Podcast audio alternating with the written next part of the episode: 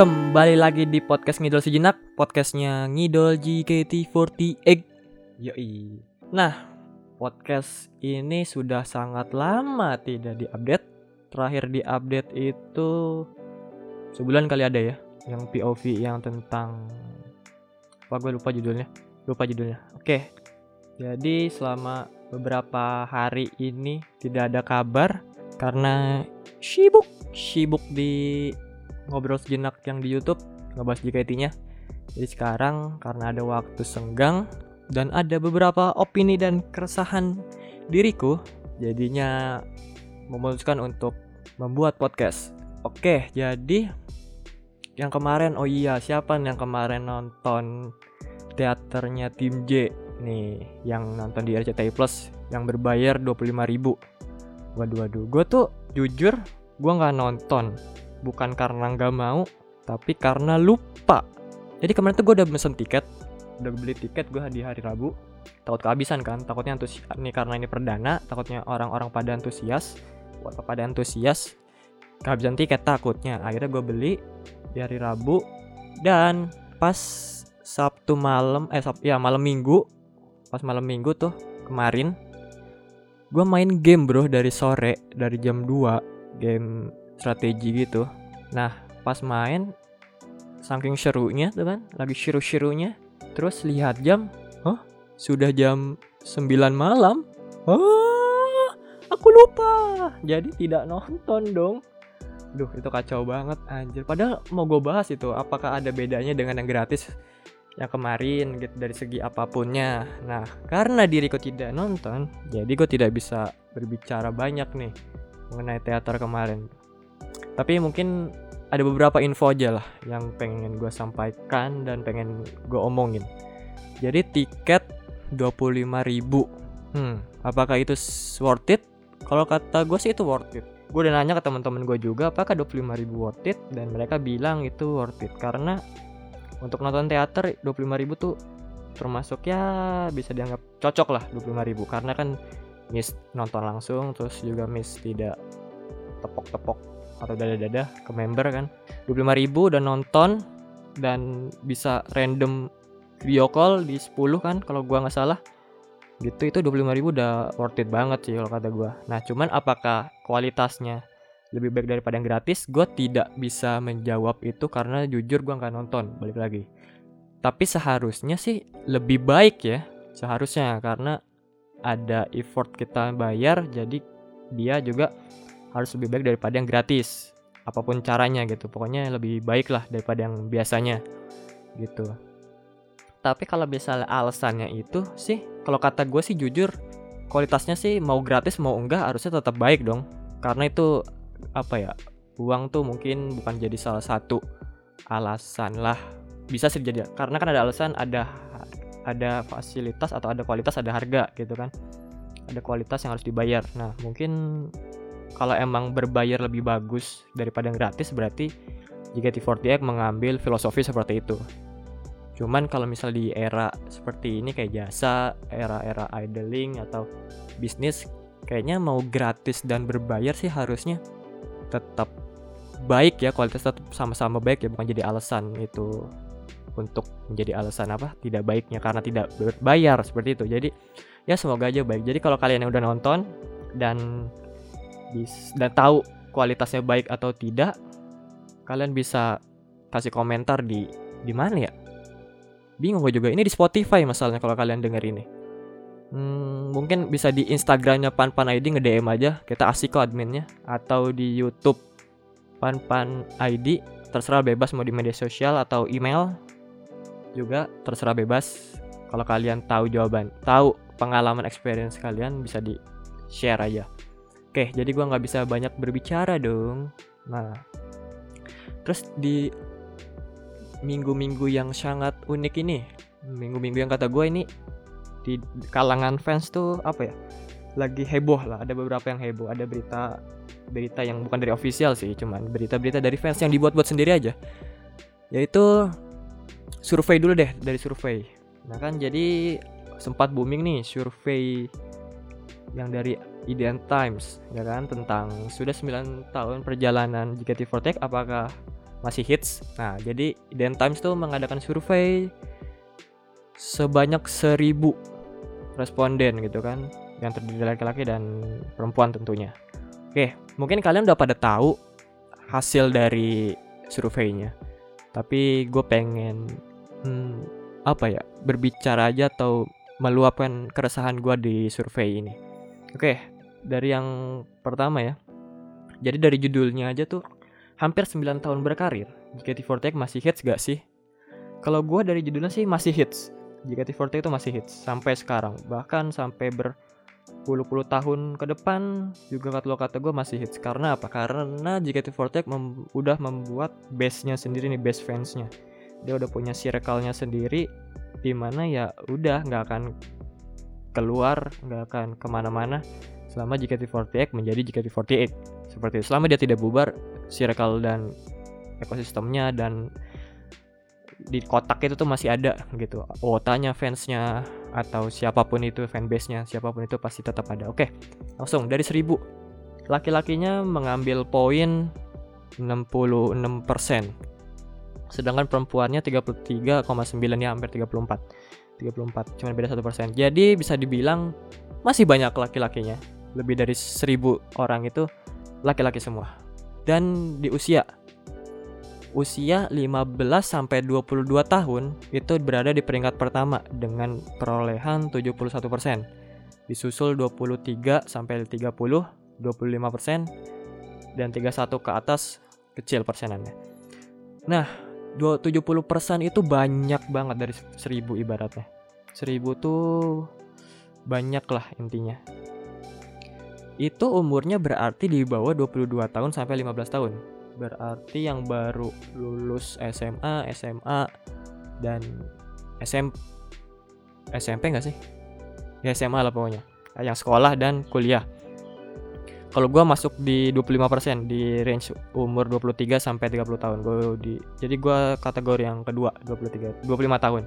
Jadi bisa dikatakan sekarang banyaknya tetap dihuni oleh fans-fans yang baru fans muda berarti fans baru dong nggak mungkin dia ngidol dari 2012 karena banyaknya umur-umur baru.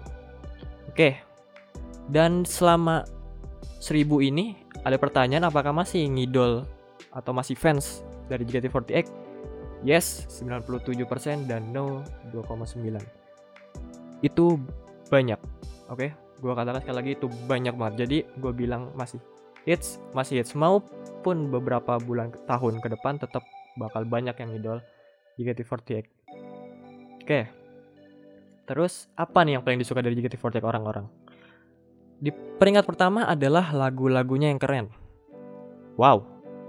Lagu-lagunya Ya, gue akui lagu-lagunya keren. Terus kedua, kedekatan member dengan 25%. Oh ya, tadi yang peringkat pertama 45% yang lagu-lagunya keren. Terus yang kedua 25% ada kedekatan member. Jadi nggak tahu nih kedekatan member tuh antara member satu dengan member yang lain atau kak antara lu dan membernya gitu oh sorry gua nggak baca kedekatan member dengan penggemarnya ya ampun dikira ini beda poin oke kedekatan member dengan penggemar oh 25% karena orang suka itu mereka dekat gitu sama sama penggemarnya terus ketiga 15% visual membernya. Hmm. 15% itu visual sih menurut gua aneh aja sih di peringkat ketiga. Ya mungkin berarti orang-orang tidak melihat dari visualnya dong. Bagus dong dari fansnya dong oke? Terus keempat bakat para membernya. Cah! Bakat para membernya keempat. Terus yang terakhir koreografi yang ciamik. Cah! 3% oke yang menarik di sini adalah urutan ini sih. Jadi lagu-lagu keren oke okay lah lagu-lagunya. Gua akuin lagu-lagunya keren. Oh, tapi kan lagu sister grupnya ya. Nggak ini gue nggak tahu makanya lagu-lagu keren tuh lagu sister grupnya apakah atau lagu Rhapsody gitu kan. Kalau misalnya lagu sister grupnya berarti lagu-lagunya yang keren berarti bukan lagu JKT dong. Ya kan? Itu aja dulu. Udah stop anda. Yang pit naik sudah mulai naik pitam gitu aja. Kalau misalnya Rhapsody berarti emang itu lagunya. Itu juga keren. Tapi kalau misalnya 45% berarti menganggap lagu-lagunya keren ya udah itulah karena lagunya juga dari sister grupnya oke terus yang kedua kedekatan member. Ya fans suka lah saat apa idolnya dekat sama penggemar. Tapi bukan setiap idol harusnya emang kayak gitu ya. harus dekat sama penggemarnya kalau dia pengen punya fans. Nah terus visual membernya. Di peringkat ketiga ya oke sih kalau kata gue jadi emang fans tadi gue bilang nggak banyak melihat dari visualnya aja gitu kan. Walaupun yang kayaknya yang aktif seperti itu. Cia. Terus ya tapi yang gue unik adalah ini sih peringkat 4 dan 5 peringkat 4 kan tadi yang gue bilang bakat para membernya. Terus kelima koreografi yang ciamik kenapa dua hal yang penting dari sebuah se, dari bukan dari sebuah dari seorang idol itu orang malah tidak tertarik bro gini deh bakat para membernya koreografi yang ciamik. Hmm berarti kalau lagu-lagunya keren kalau lu nggak ngelihat koreografinya apa kalau masih tetap suka? Kalau misalnya gue tetap suka kalau lagu-lagunya berarti lu cuman orang yang suka mendengarkan bro bukan melihat. Karena harusnya kalau berhubungan dengan idol apalagi jika itu nyanyi kan banyak koreografinya kan. Tapi kenapa yang jadi pertanyaan gue adalah kenapa koreografinya tuh di peringkat paling bawah dan kecil banget 3% apakah orang tidak peduli? Kamu aku tidak suka koreografinya. Dan aku tidak peduli kata kata fans yang penting lagu-lagunya enak. Waduh apakah kayak gitu? Dan bakat para membernya. Hmm, berarti fans lebih ngelihat visualnya daripada bakat dan koreografinya. Ya terserah lah gitu. Tapi sal ya ada 11% dan 3% ya walaupun kecil tapi patut diacungi jempol. Berarti koreografi dan bakat membernya masih diperhatikan oleh fansnya gue salut sama yang ngevote apa yang voting di surveinya ngevote ini bakat dan koreografinya berarti anda fans sejati oke terus selanjutnya media yang di media media untuk update JKT48 selama pandemik. Jadi selama pandemik ini selama virus corona kan berarti apa ya agak susah nih JKT48 tidak bersapa tegur sapa dengan fansnya berarti kan hanya bisa dari media sosial. Oke, media sosial yang pertama di peringkat pertama 66% itu media sosial para member termasuk Instagram dan Twitter. Itu gede banget. Hampir separohnya karena jujur sih emang benar karena mereka lebih ak ya selama ini ya aktif menyapa fansnya di mana lagi gitu kan channel mana lagi yang bisa digunakan untuk menyapa kalian gitu kan kalau nggak dari media sosial makanya pasti gede banget terus kedua nonton streaming di RCTI Plus nah benar karena update teater di mana lagi kalau tidak di RCTI Plus gitu kan karena tidak mungkin ke teater dan tidak ada teater juga untuk ditonton secara langsung akhirnya adanya di streaming di RCTI Plus. Nah, ini 20 eh 20%, 12% masih make sense lah. Terus yang ketiga dari media online, dari media online dari portal berita mungkin atau media-media onlinenya selain media sosial intinya ya, bukan media on ah bu, media online bukan media sosial maksud gua. Terus peringkat selanjutnya yang terbawa lagi 6,7% media sosial official JKT48 Instagram dan Twitter. Lebih dikit berarti ya dibandingin fans uh, dibandingin media sosial membernya. Karena apa juga maksudnya gimana ya, kayaknya si ini nih apa official tuh kan tidak memberikan update membernya kan dia hanya memberikan update gimana event yang akan ada di dia gitu. Apakah yang terjadi di secara global JKT48 sedangkan kalau member kan secara pribadinya jadi orang lebih tertarik ke membernya daripada ke JKT-nya seperti itu. Terus peringkat selanjutnya di 3,8% ada YouTube JKT48 dan terakhir ada website official JKT48 oke yang dua terakhir.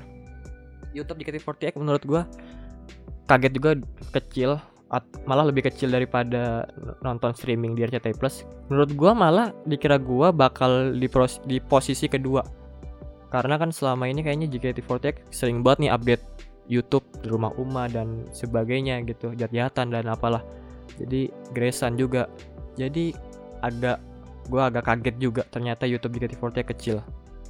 Gitu sih. Dan terus selanjut tadi juga yang terakhir adalah website official. Jadi website official ya buat apa juga sekarang ke website official? Udah nggak bisa mesen tiket teater kan? Berita juga ada di gini kadang kan fanbase tuh buka nih buka ada berita misalnya nih fanbase buka websitenya di screenshot kan? Screenshot jadi postingan. Akhirnya kan fans-fans yang harusnya tadinya diarahkan ke website malah baca langsung dari Instagram. Seperti itu. Makanya menurut gua websitenya JKT48 kecil gitu untuk memberikan informasi. Coba kalau misalnya fanbase tidak ada yang seperti itu berarti mau nggak mau dia kan harus terlempar ke websitenya jadi pasti besar gitu kalau menurut pandangan gue ya kan. Oke selanjutnya aduh banyak banget. Usia usia saat pertama kali ngefans gue cepet aja ya di bawah 17 tahun ada 63% sama gue masuk kategori itu. Gue umur berapa ya? Lupa. Umur muda lah pokoknya. 17 17 sampai 30 tahun 35% di atas 30 masih 0,8% gak ada satu persen ya Oke, sejak tahun berapa jadi fans JKT48? Peringkat pertama dari 12. 21 persen. Oke, gue masuk sat, masuk di situ juga. Terus yang ke peringkat kedua 2013, 17 persen. Dan peringkat 3 2019 dengan perolehan 11 persen. Sisanya habis 2019 ada 2011, 14, ada 18, ada 15, 16, 17, 20. Gua kaget kenapa 19 karena ini maksud gua dikira gua bakal berurut misalnya 12, 13, 14 atau 11 karena kan di tahun-tahun itu kan lagi banyaknya lagi bagus-bagus aja JKT48 Caca lagi bagus-bagus aja JKT48 gitu. Makanya kagetnya kenapa di 2019 di 2019 berarti momentum saat dia ribus dong kalau nggak salah ya. Apa salah gua? Gua nggak tahu deh. Pokoknya ada event-event kayak ribus seperti itu. Jadi jadi mungkin di situ titik baliknya dengan ada proyekan-proyekan lain jadi akhirnya nama JKT48 di 2019 terangkat kembali. Oke, nextnya berapa lama jadi fans JKT48? Di atas 3 tahun 68 di 1 sampai 3 tahun 25 dan kurang dari 1 tahun 6. Nanti ada yang bisa dikomentari. Terus seberapa update fans fans tentang JKT48. Jadi di 1000 orang ini ada pertanyaan ada pertanyaan seperti ini kabar terakhir JKT48 yang diketahui.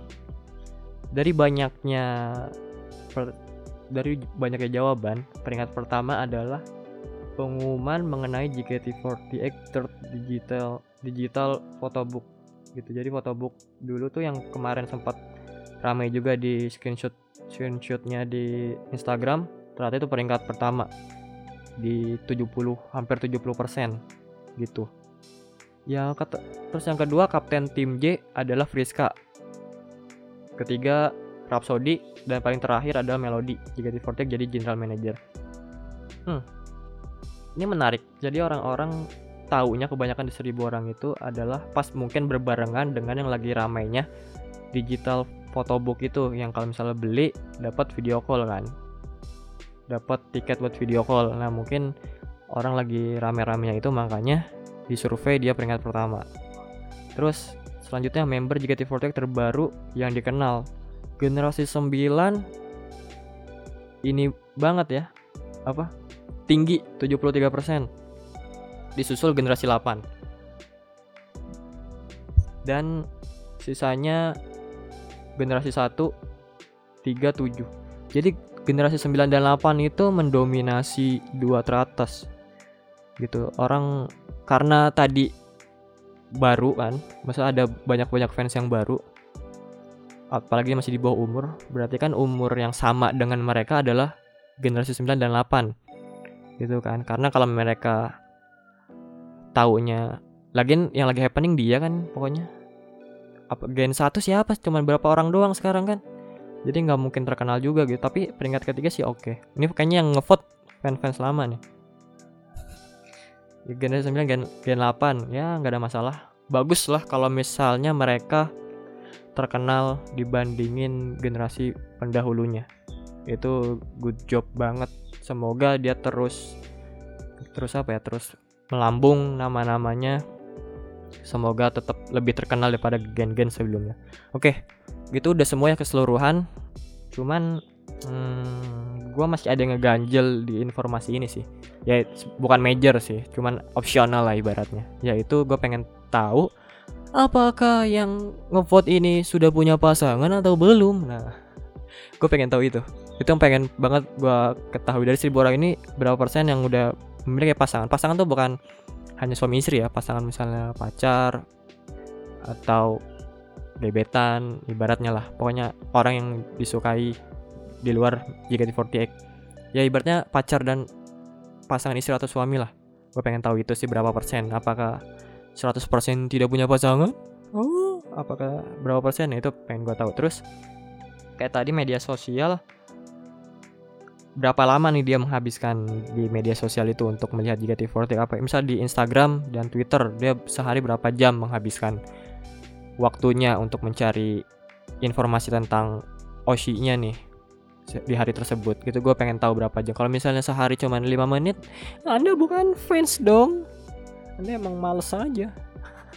Gitu jadi masih terlalu general. Terus yang ketiga apa ya udah deh kayak oh iya ketiga itu region mana aja maksud gue mas dari seribu orang ini apakah Jakarta doang? Apakah ada fans far juga yang ngevote di luar Jakarta?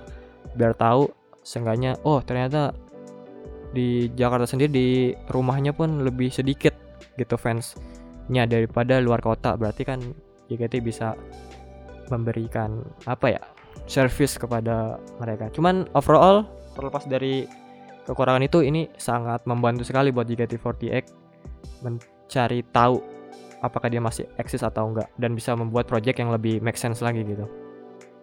Cuman gue penasaran aja kenapa dibikinin ini apa kan dengan judul yang tadi kalau gue kesalah adalah tadi sorry judulnya hampir 9 tahun eh bukan ini mah judul hampir 9 tahun berkarir JKT48 masih yes enggak sih nah Ibaratnya kayak pertanyaan, apakah JKT48 di tahun ke-9 ini merasa insecure dengan ketenarannya? Aku tidak tahu. Oh, aku insecure nih, apakah JKT48 masih tenar? Hmm, kayaknya aku harus IDN Times saya bikin. Tapi gue gak tahu ini apakah pure murni dan atau kerjasama sama JKT48 atau emang karena thank you sih ya IDN Times. Pokoknya ada sumbernya IDN Times slash Arif Rahmat. Nah itu thank you yang udah researchernya itu ya. Orang yang risetnya ya maksudnya. Thank you banget. Dan buat JKT48 semoga ini tersampaikan dengan baik. Gitu.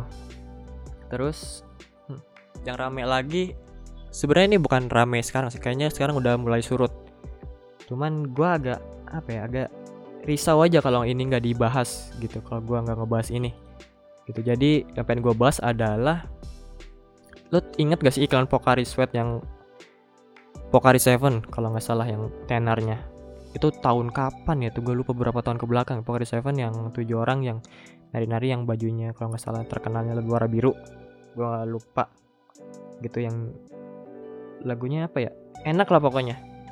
Jadi sekarang rame lagi di mana di kolom komentarnya video tersebut banyak fans gue nggak tahu gue nyebutnya apa fans atau bukan gue sebut kubu satu dan kubu dua lah kubu satu bilang harusnya JKT48 kayak gini.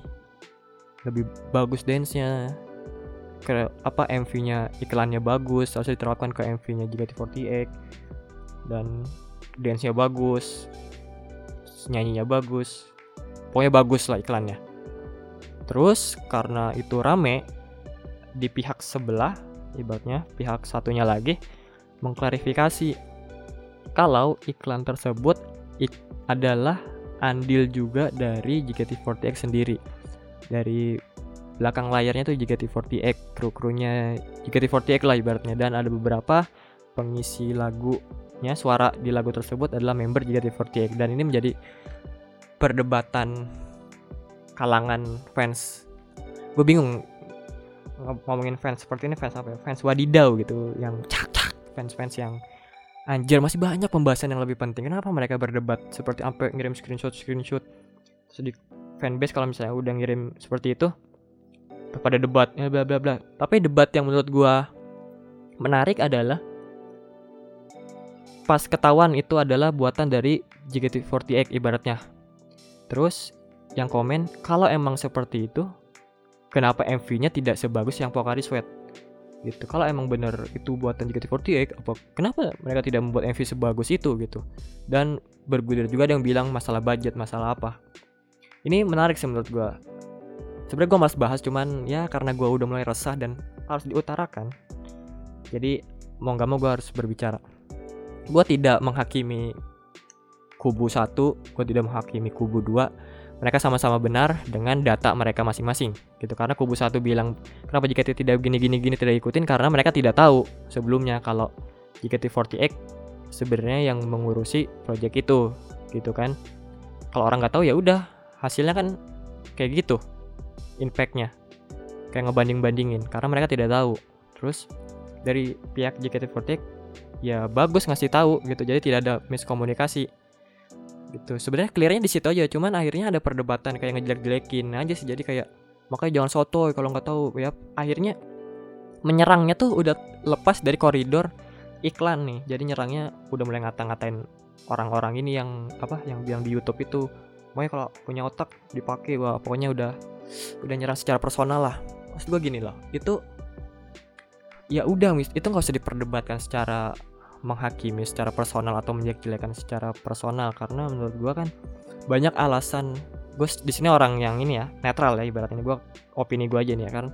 Oke kalau gue bedah kenapa Pokari Sweat simpel gini aja? Pokari Sweat tidak memberikan tidak memberitahu informasi kalau misalnya JKT48 adalah dibalik semua itu.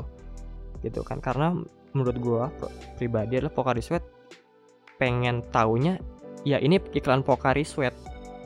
Gitu loh tidak mau ada embel-embel JKT48 gitu. Karena mungkin dulu dia kan terkenal sama JKT48 atau sekarang pengen ngelepas nih dari citranya citra dia terhadap JKT48 dia pengen ngebangun brand sendiri ibaratnya untuk iklannya gitu. Dulu karena kalau ada Pokari Sweat iklannya pasti JKT48 selalu seperti itu sebelum ini. Jadi mungkin dengan alasan tertentu, kenapa Pocari Sweat ingin merubah brand mereka menjadi iklan yang baru dengan fresh yang baru, tapi tetap dengan kualitas JKT48 ya ini mungkin alasannya dan mereka tidak mau memberitahukan karena mereka tidak mau terbayangi oleh fans JKT48 gitu. Oke kan? Nah terus kedua adalah masalah budget. Hmm, masalah budget ini menurut gue masih jadi pertanyaan sih. Apakah budget sesu apa ya menjadi alasan MV JKT48 jelek dan MV dan iklan Pocari Sweat bagus? Menurut gue sih tidak besar impactnya untuk sebuah kualitas. Menurut gue pribadi ya. Karena gini lah. Pocari Sweat sudah mempunyai pasarnya sendiri. Ibaratnya fansnya sendiri. Gitu. Penyukanya sendiri. Usernya sendiri. Begitu juga dengan JKT48 mereka udah punya pasar sendiri, punya usernya sendiri. Dan kedua pasarnya itu berbeda dari segi bisnis. Gitu aja dulu. Oke. Nah, dan berbeda segi bisnis, mereka sudah tahu nih data-data dari user mereka. Mereka sudah melakukan riset. Pokari sudah mempunyai data usernya dan JKT48 sudah mempunyai data usernya. Seperti itu. Akhirnya dibuatlah warna yang berbeda. Pokari dengan warnanya seperti ini, JKT48 dengan warnanya seperti ini jika dibalik. Misalnya kalau sekelas Pocari Sweat memberikan apa ya? Bukan, bukan Pocari Sweat memberikan. Jika 48 punya budget sebesar iklan Pocari Sweat. Hasil dari MV-nya menurut gue tetap akan sama dengan MV-MV yang udah ada.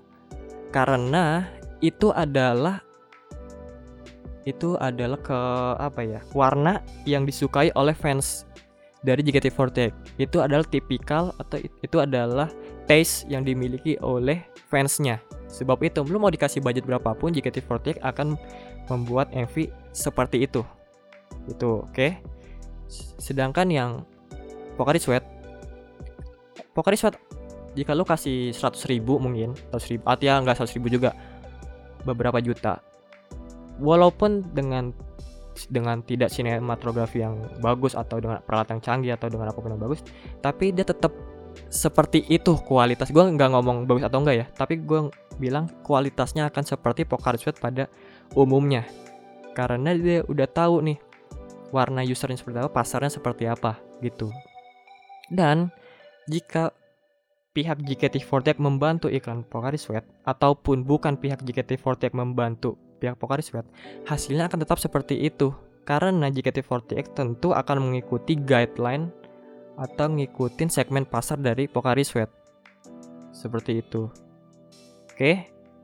Nah, jika dibalik lagi jika timnya Pocari Sweat membantu JKT48 ya kualitasnya akan tetap seperti JKT48 gitu karena mereka udah punya base-nya sendiri. Jadi perdebatan ini perdebatan yang maksud gue apa ya? Buang-buang waktu anjir. Yang ya udah nggak usah saling meng maksud gue nggak usah saling ngatain orang gitu secara personal. Sampai ngatain oh bego nggak punya otak. Maksud gua ya itu mereka udah punya pasar masing-masing. Pasar Pokari Sweat belum tentu fansnya JKT48 fansnya JKT48 bukan tentu pasar Pokari Sweat. Ya udahlah ini soal tes mereka masing masing gitu. Jadi nggak usah diperdebatkan jauh jauh lagi gitu. Maksud gua mereka udah punya pasarnya lah gitu. Kalau misalnya lu nggak misalnya nih yang komentar di Pokari Sweat harusnya JKT lebih bagus eh bisa sebagus itu berarti lu nih yang komentar gitu yang komentar banding-bandingin yang harus lebih bagus dari Pokari yang sama bagus Pokari Sweat berarti lu bukan pasar dari JKT48 udah itu aja lu bukan jangkauan JKT48 gitu. Lu lu orang fansnya Pokari gitu. Dan yang bilang Pokari biasa aja yang JKT48 lebih bisa lebih bagus atau bisa lebih bagus sama ya berarti lo emang pasar JKT48 yang pengen diganti JKT48 tipe orangnya lo kayak gitu. Gitu aja udah dari gue sih itu. Jadi jadi gue nggak nggak nyalahin saat apa nyalahin si A atau si B ya karena mereka udah punya ini aja sih udah punya apanya pasarnya masing-masing gitu. Terus gue salut juga ya makasih ya intinya makasih lah udah salah satu orang juga kan yang udah ngasih tahu. Yang membo ya bukan membocorkan mengklarifikasi tentang JKT48 ikut andil jago juga terima kasih. Jadi orang-orang udah tahu udah tidak salah paham gitu. Walaupun sebenarnya tidak diberitahukan pun tidak jadi soal karena kan seperti itu. Apakah JKT dan Pokari Sweat mendatang mendat mentandatangani mentandatangani perjanjian untuk tidak boleh memberikan informasi atau apa pun kan itu kalau dari segi bisnis kan banyak kemungkinan seperti itu. Jadi ya udahlah tahan-tahan aja juga fans dan juga reda sendiri. Gitu aja sih nah ngomong-ngomong fans gitu ya emang kebanyakan sih fans karena tadi di surveinya mungkin umurnya masih muda berarti masih labil nih kalau kata gue sih pikirannya. Dan menurut gue pik karena labil itu jadi akhirnya mereka ngidolnya tuh ngidolnya pun dan ngefansnya pun tidak ini tidak ikhlas. Waduh tidak ikhlas. Maksudnya ikhlas gimana? Maksudnya gue gini tidak tanpa pamrih gitu. Jadi jadi masih ada pamrih. Eh ya masih ada pamrih. Jadi masih ada maunya ngidol tuh. Entah itu biar di notice membernya kah ataukah itu biar dekat sama membernya kah itu banyak kemungkinan. Cuman akhirnya fans-fans yang gitu yang banyaknya sekarang itu kasihan terhadap membernya. Salah satu contoh yang lagi ramai terakhir adalah aduh gue sebenarnya males nih ngebahasnya cuman harus di gue bahas sih. Karena biar ke trigger yang lain juga. Adalah yang terakhir kasusnya Aya Aya JKT48 yang gue kaget juga kemarin lihat foto kalau dia sama cowok lagi makan siang kan. Hmm di situ banyak yang tubirin juga. Anjir yang tubirin emang keterlaluan sih lo kata gue gak usah nubirin gitu. Dan thank you juga yang udah nge-support Aya juga yang tetap positive thinking.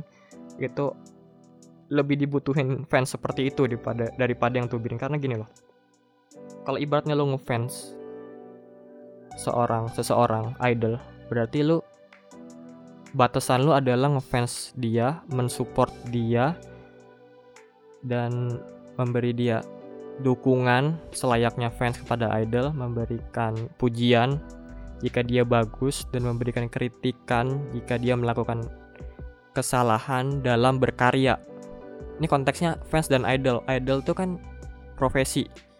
Berarti hubungannya karya dong. Kecuali personal beda. Kalau personal tidak membuat karya, yang membuat karya adalah profesinya. Oke, jadi karena fans dan idol itu sebuah profesi, berarti yang kita kasih batasan adalah karyanya nih yang lu support. Karyanya yang lu support, kritik karyanya, puji karyanya. Gitu kan. Tidak dengan personal orangnya. Itulah fans yang menurut gua itu apa ya? Batasan fans gitu kepada idolnya. Jadi saat dia tidak berkarya, dia hanya seorang ayah ini kita ngambil contoh kasus ayah ya dia hanya ayah gitu dia hanya orang pada masyarakat pada umumnya gitu yang melepas semua misalnya melepas jubah idolnya ya udah dia hanya ayah orang masyarakat biasa gitu kan jadi ibaratnya dia makan di situ dia bukan sebagai idol kalau kata gue dia sebagai orang biasa masyarakat biasa yang ketemu sama seorang cowok Nah, hal yang pertama yang harus kita berikan sebagai fans adalah pemikiran yang positif. Cowok itu bukan selalu pasangan dia. Gitu loh maksud gua. Jadi mungkinkah itu saudara, sepupu, kakak, adik atau apa pun gitu kan.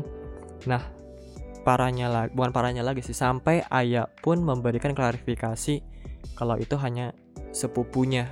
Maksud gua gini lah Ayah tuh udah ribet, udah banyak kerjaan, udah sebagai idol tuh udah banyak tugas yang harus diemban, harus menghibur kalian, harus tetap semangat. Tapi kan si bangsat kalian kan membu membuat PR lebih gitu kepada idol lu. Lo katanya ngefans, tapi lo ngerepotin ngerepotin idol lu gitu. Harus bikin klarifikasi harus ini harus bikin mereka merasa bersalah harus mereka nggak tenang. Maksud gua ah, mau lu apa sih? Apakah alasan lo karena lu cemburu? Akan cemburu bang karena aku udah ngevote dia ibaratnya gitu. Aku udah ngevote dia udah ngeluarin uang banyak. Ya lo jangan jadi fans. Blok. Maksud gua lo kalau fans ya udah. Hati lo tuh ya udah buat support dia support karyanya dia kritik karyanya dia puji karyanya dia gitu jangan orangnya. Lo kalau emang pengen di notice pengen jadi pasangannya jangan jadi fansnya. Maksud gue gitu loh. Idol tuh ya udah ngeliat fans ya hanya sebagai fansnya gitu. Maksud gue anjir lo fans berharap ya mengharap sih nggak mas? Nggak nggak salah sih. Misal ya itu kan hak manusia cuman salah tempat maksudnya melakukan hal yang percuma maksud gue lo kalau yang pengen jadi pasangannya lo jangan ngefans. Lo misalnya lo suka sama Aya nih. Misalnya si A nih suka sama Aya. Lu pengen jadi pasangannya nih. Lu jangan ngefans sama Aya coy. Lu ngefans sama member lain. Gitu. Aya jangan lu fansin. Tapi lu berikan sesuatu lu baru deketin Aya. Misal gini lu kalau mau deketin member jangan fansnya. Tapi mulai dari tahap lu bahagiakan diri lu sendiri. Bahagiakan secara hati, fisik, material, apa pun itulah pokoknya cukupi diri lu sendiri. Berarti kalau bercukup berkecukupan kan lu bahagia kan itu. Cukupi diri lu sendiri cukupi orang di sekitar lu keluarga terdekat lu orang tua bapak ayah ibu bokap nyokap adik kakak itu bahagiain mereka dengan kecukupan lu. Baru setelah itu semua udah baru lu seberang bro lu nyebrang yang jauh ke Oshi eh bukan ke Oshi ke member JKT48. Tapi selama lu nyebrang, lu bukan sebagai fans JKT48, lu pakai jalur seorang cowok yang mau mendekati cewek. Tapi karena JKT48 tidak boleh melakukan hubungan selain fans dan idol, berarti lu baru nyebrang saat dia sudah graduate. Selama dia masih di JKT48, lu punya waktu buat membahagiakan diri lu, membahagiakan keluarga lu, dan setelah dia grade lu baru bisa nyebrang. Mereka tuh udah baik ngasih lu waktu gitu buat ya udah lu coba kerja keras dulu lu tabung dulu gitu. Hasil tapi hasil dari kerja keras lu ya bukan harta keluarga ya. Tapi kerja keras lu berdiri di kaki sendiri seperti itu oke nah sudah itu semua baru lu loncat. Jangan lu ngefans tapi punya perasaan untuk nyebrang ke idol lu ya. Anjir itu lu tuh belum lu kalau nge kalau mau jadi fans lu terlalu cep terlalu dini. Lu kalau mau ngefans ngefans bukan jika itu lo ngefans sesuatu ya udah lu tahapannya tuh lu harus tahu dulu arti fans dan idolnya gitu. Jangan lu tiba-tiba langsung loncat. Aku sebagai fans aku aku fans itu bukan fans itu itu masih ini semi semi semi fans masih ini trial. Trial 30 hari jadi fans. Maksud gue gitu loh jadi udah jangan membebanin siapa pun gitu. Takutnya kalau ada kasus lain ya udah positive thinking support ya udah jangan bikin kasihan klarifikasi klarifikasi lah anjir. Lu udah nikmatin dia yang perform juga lu dia bagus di JKT48 itu udah lebih dari cukup buat seorang fans. Gak usah gak usah apa ya, lebay banget sampai cemburu cemburu cemburu makan tuh potopek so gue gitu dan ayah pun jadinya kasihan menurut gue sih seperti itu Nah, gila emosi gue jadinya. Dan di konten ini gue malah tidak mengkritik JKT ya. Karena apa yang dikritik ya, gue sadar lah JKT lagi membangun menjadi lebih baik lagi gitu kan. Lagi kalau gue kritik JKT kan belum tentu tersampaikan juga gitu kan. Kalau misalnya kritik fansnya, oh mungkin ditubir nih abis ini. Cuman ya gitu aja sih. Paling juga banyak yang gak suka, banyak yang suka dengan opini gue. Cuman keresahan gue sih di situ di tahap tahap ini ya kan.